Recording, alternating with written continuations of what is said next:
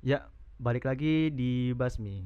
Halo semuanya, eh, balik lagi di konten ngospek, ngobrol seputar perkuliahan. Eh, kali ini kita ngelanjutin podcast yang tadi. Kita bakal ngebahas tentang apa sih eh, hal-hal unik atau apa sih yang bakal disampaikan Kareni di S2 ini tentang di UI ini. Nah, kira-kira eh, kita mau langsung terjun aja nih Kak ke pertanyaan pertama nih Kak. Oke. Eh, sebenarnya worth it gak sih Kak kalau kita ngambil S2 di politik di UI ini Kak? Eh, secara harga worth it sih. Worth it. Karena ah, ah, kalau misalnya S1 itu kan 7-8 juta. Di Hmm. S2 itu dulu aku 14 juta satu semester. Wah. Worth it sih. Kalaupun nggak biaya sendiri bisa cari Hmm. beasiswa dan bisa dipending juga kalau misalnya kita belum siap secara finansial gitu. Ketika kita diterima itu LOE-nya bisa kita simpan untuk tahun depan. Jadi kita tahun depannya itu kalau mau kuliah nggak harus tes ulang simak lagi. Oh, Oh, gitu. jadi enak ya? eh mas diterimanya misalkan tahun ini, tahun depannya nanti itu bisa masuknya. Iya, enggak juga. Misalnya kita nih, aduh biayanya berat nih misalnya. Ah. Kalau kalau nggak mau kuliah sekarang bisa tahun depan pakai penerimaan yang itu. Tanpa harus kita ikut simak lagi karena Heeh. biayanya untuk ikut simak kan lumayan juga. Hmm. Oh, oh beda ya? Beda. Oh. Oh. Nah, ini insight nih buat para buster. Jadi yang penting mah ambil dulu aja Kak ya. Maksudnya beasiswanya coba-coba dulu aja sih. Iya, jadi sambil nyari beasiswa kalau udah dapet bisa dilanjut gitu. Kalau memang secara finansial itu belum mencukupi untuk kuliah gitu. Tapi kalau udah ya gas aja. Iya. Nah, ini kan tadi udah ditanya nih worth it apa enggak eh, masuk ilmu politik eh, UI S2-nya. Eh, mungkin ini balik ke ini sih Ren, agak basic lagi nih, tapi Hmm. agak detail.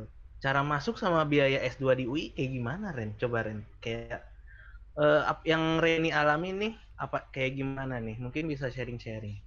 Ya, untuk detailnya sebelum kita mau kuliah kan kita ikut simak dulu. Nah, simak itu Hmm. biayanya tuh satu juta waktu itu. Kalau sekarang nggak tahu deh update-nya katanya agak naik sedikit. Jadi 1,5. Hmm. Tapi nggak tahu, itu harus dicek lagi ya. Heeh. Nah, dan itu hanya bisa pilih satu jurusan. Oh. Cuma ya. bisa satu ya? Berarti nggak ada pilihan satu pilihan dua Kak ya? Nggak ada.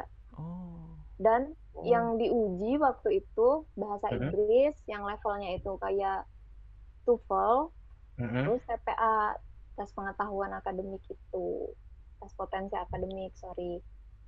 Dan Oh. setelah itu diterima, kita dapat LOE itu, kita lanjut untuk bayar perkuliahan awal. Nah, perkuliahan awal ini harganya agak beda sama semester selanjutnya karena kenapa di situ ada biaya lain-lain gitu. Oh Kalau iya iya dulu iya. sekolah kayak ada uang gedung gitu Oh kan. iya. iya. Kalau dulu aku itu sekitar 20 juta, tapi kalau sekarang katanya agak naik beberapa juta. Kisarannya itu 20 sampai 30 jutaan lah kalau sekarang. Ini bukan hanya ilmu politik, tapi S2 secara keseluruhan di UI kira-kira segitu. Kecuali jurusan yang eksak ya, itu pasti lebih mahal karena banyak prakteknya. Oh iya. Hmm. Oh, jadi sebetulnya lumayan juga sih ya.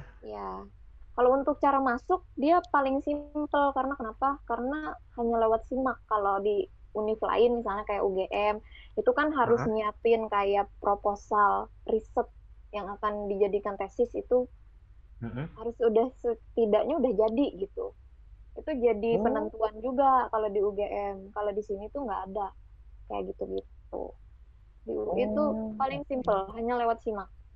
Oh, oke. Jadi buat para buster nih kalau mau masuk S2 di UI mungkin kurang lebih kayak gitu ya caranya dan biayanya kisaran segitu. Jadi bisa dipersiapkan dari sekarang Iya kalau betul. mau Hmm. ambil S2. Ya, betul. Oh iya Ren, kalau waktunya apa kayak simak kayak biasa yang sekitar Juni Juli ya kalau S1 simak S1 ya? Kalau S2 sama S3 itu simaknya itu agak sering deh. Kayaknya setahun itu dua Mhm. kali atau tiga kali. Kalau Reni dulu yang kapan ininya masuknya? Kalau terakhir-akhiran. Akhir-akhiran bulan? Eh, kira-kira itu simak bulan Juli deh, kalau nggak salah. Ingat ya waktu itu. Jadi mulai kuliah tetap sama bulan September juga, tapi penerimaannya aja yang beda-beda. Tuh, ada penerimaan gelombang 1, 2, sama 3. Nah, kebetulan kemarin dapat gelombang terakhir kayaknya deh. Eh, gelombang kedua, sorry. Oh, jadi ada gelombangnya gitu, tapi Iya. masuknya tetap September. Iya. Jadi bedanya di S2 sama S1 itu S2 itu bisa masuk di semester genap. Oh, Oh gitu. Genap Wow. Jadi S1 kan selalu dimulai dari ganjil. Iya.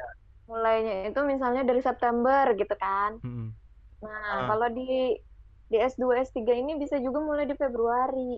oh. Oh jadi lebih flek- fleksibel banget kak ya? Ya, jadi eh, ya tergantung kita mau mulainya di kapan.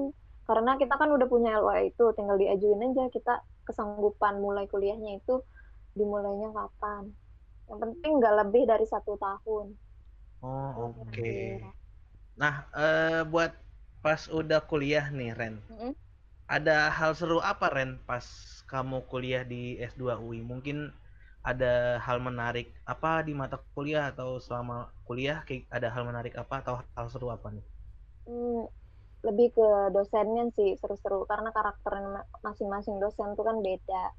Mm-mm. Nah, bedanya dosen dulu waktu S1 dan S2, mungkin di S1 tuh ada dosen sangar tapi nggak sekritis itu, tapi pas di UI benar-benar blak-blakan, benar-benar kritis.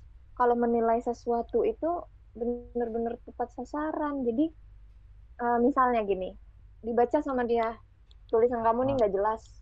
Ini maksud kamu nih ngomong kayak gini tuh apa? Sampai sedetail-detailnya dia nanya. Kalau kalau apa yang kita jelasin itu rancu, lebih lagi ditanya terus Waduh. gitu. Oh.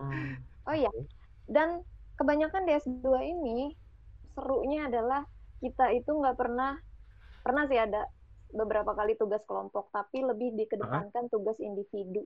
Oh, jarang tugas kelompok.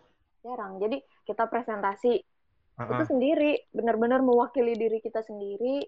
Yang nguji itu ya dosen, yang bertanya itu dosen. Teman-teman terkadang boleh bertanya juga, tapi pertanyaan inti itu datangnya dari dosen terhadap apa yang kita presentasikan gitu. Oh, teman-teman nggak ada suka yang nanya aneh-aneh gitu kan ya atau tanya formalitas gitu. Nah, kayak yang udah pernah dijelasin sebelumnya, kalau di sini tuh ekosistemnya suportif, jadi sama-sama memang belajar, hal-hal yang kayak gitu tuh benar-benar dihindari antar individu gitu. Karena kenapa? Tujuan kita bertanya karena emang kita nggak tahu, bukan mau Iya. nguji temen kita Betul. tuh kayak gimana Iya, iya, gitu iya. kan. Betul. Iya. Iya, bagusnya di situ sih. Wah, seru seru banget sih kalau misalnya punya apa ya, circle belajar yang kayak gitu atau lingkungan yang kayak jadi- gitu. Jadi nggak ada yang menjatuhkan Berkembang temen di mata dosen gitu kan. berkembang bareng itu mah bener banget tuh berkembang barengnya bisa sampai lama mungkin setelah lulus juga masih bisa ini kan kak. Iya, betul, betul banget. Karena jarang kita temuin ada ada kelompok belajar, maksudnya circle yang kayak gitu. Kan kalau misalnya dia satu dulu, kita masih senang ngelihat teman-teman kita jadi bahan ketawaan, kita juga ikut ketawa, Iya. ya kan? Iya. Iya betul. Temen diomelin dosen, kita malah ngetawain, jadi bahan Iya. ledek-ledekan gitu. Iya. Tapi kalau di sini tuh udah nggak gitu, justru merasa kayak prihatin. Kok bisa sih dosen nggak ngelihat usaha dari orang ini? Kenapa dosen itu ngejudge? Jadi ya udah, ayo kita sama-sama belajar bareng. Setidaknya nantinya tuh ada perubahan gitu. Walaupun sedikit perubahannya, yang penting kita udah usahain. Apa nih yang jadi kesalahan-kesalahan kita sebelumnya gitu. Bener-bener Hmm. dievaluasi. Diperbaiki bareng-bareng kak ya. Mm-mm, mm-mm. Sangat positif sekali berarti ya. Oke. Iya. Oke tadi Betul. eh, sempet aku sempet notice kakak eh, tesis kak ya. Ya, Eh, kira-kira nih apa sih perbedaan dari skripsi S1 sama tesis S2 tuh ada perbedaan yang besar nggak sih kak? Nah ini menarik. Karena waktu itu di kelas juga ada yang tanya kayak gitu kan. Heeh. Sebenarnya apa sih Pak perbedaannya S1 sama S2 tuh ujung-ujungnya kan riset. Iya, betul. Iya. Hasil risetnya ini juga sama-sama meneliti fenomena Ah, ah, gitu. betul. Iya. Dan sebenarnya nggak ada batasan yang pasti perbedaannya apa, tapi ditekankan lulusan S2 itu lebih bisa menganalisis secara mendalam tentang teori. Kalau Hmm.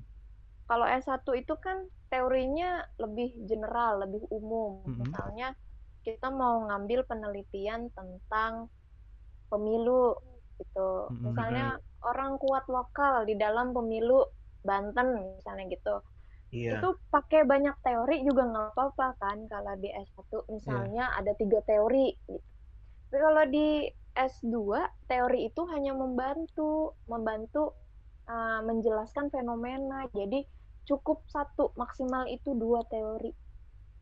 Oh, emang Oh. emang ada ketentuannya gitu, Kak? Atau Iya, iya. oh, Kalau di UI gitu. sih gitu. Jadi eh, kenapa teori itu nggak boleh banyak? Pertama, takutnya kita lebih fokus untuk menjelaskan teori itu, bukan fenomenanya. Oh, jadi nggak bisa asal Oh, ngambil Iya, iya, iya. nggak bisa asal ngambil yang Iya. berkaitan doang kayak maksudnya harus ada yang mendalamnya Ya. gitu ya. Benar, Oke. Oh iya. Kakak kemarin tesis S2 tentang apa, Kak?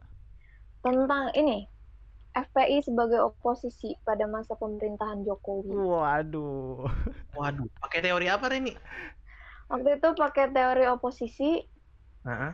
terus dibantu sama teori kelompok penekan. Oh, Ya, karena nggak cukup pakai teori oposisi doang, jadi harus ada heeh. teori tambahan gitu. Itu juga udah maksimal banget. Harusnya tuh satu aja gitu. Oke, tapi kan Oh. eh, dari hasil tesis kakak kemarin kan maksudnya eh, ada yang lebih, ah, misalnya ada kekurangan-kekurangan tertentu kan kak. Nah kira-kira nih buat para Iya. baster yang mau ngambil S2 persiapan, ada nggak sih yang bisa diantisipasi untuk eh, dari kekurangan kakak kemarin nih pas tesis? Gini, ada beberapa orang yang berpikir bahwa politik itu ranahnya cuma tentang kepemiluan. Banyak aspek-aspek Mm-mm. yang lain yang sebenarnya belum digali. Mm-mm.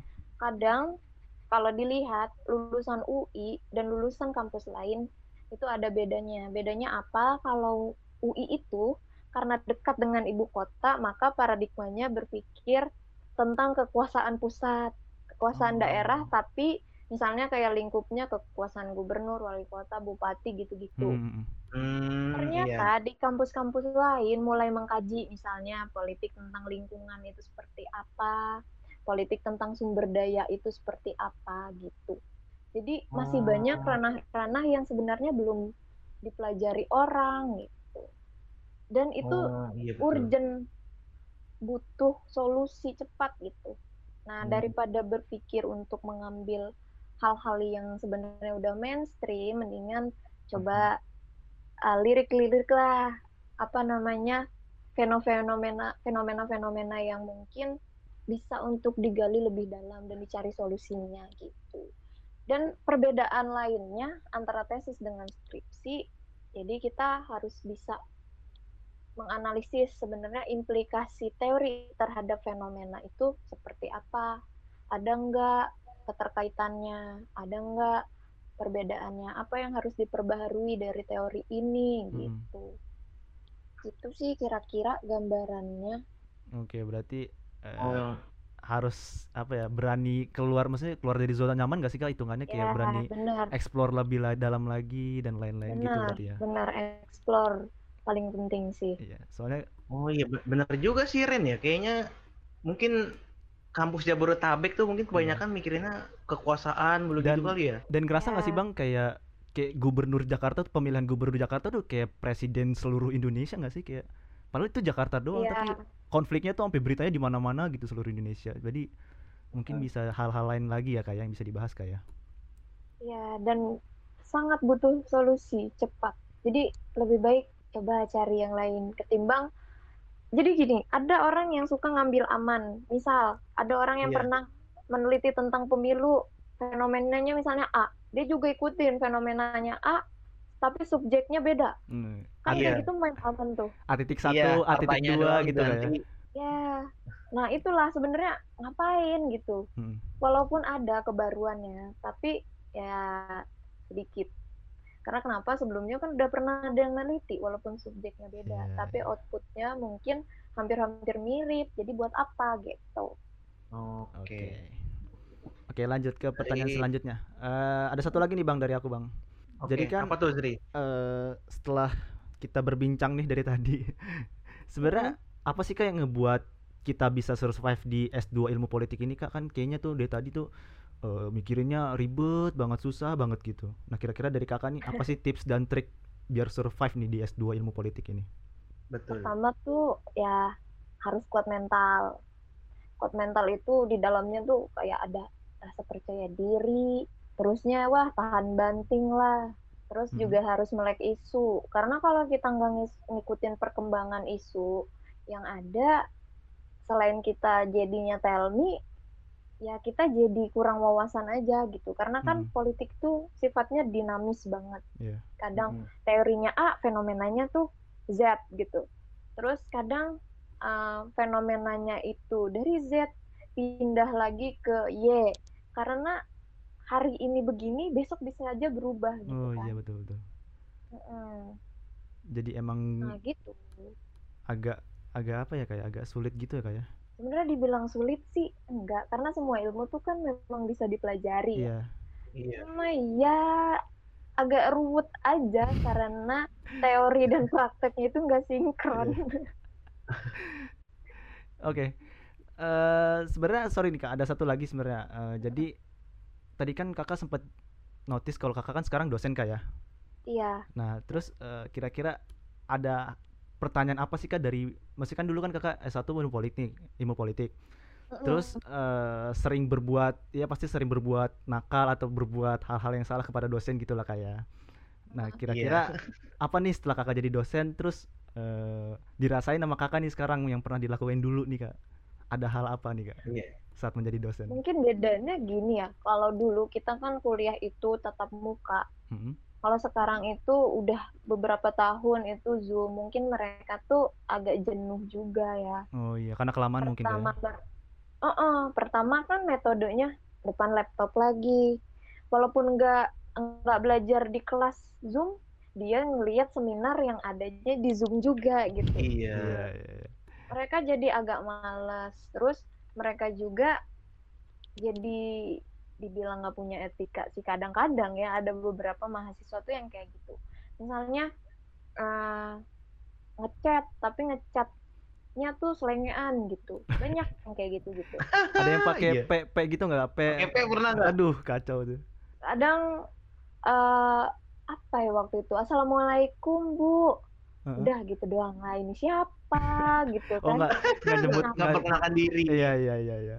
Mm, terus ada juga beberapa temen yang ngajar dosen baru juga Mm-mm. dia tuh di zoom kayak assalamualaikum ngebuka ngebuka uh, perkuliahan kan nggak Iya. ada yang jawab Ya Allah. Oh.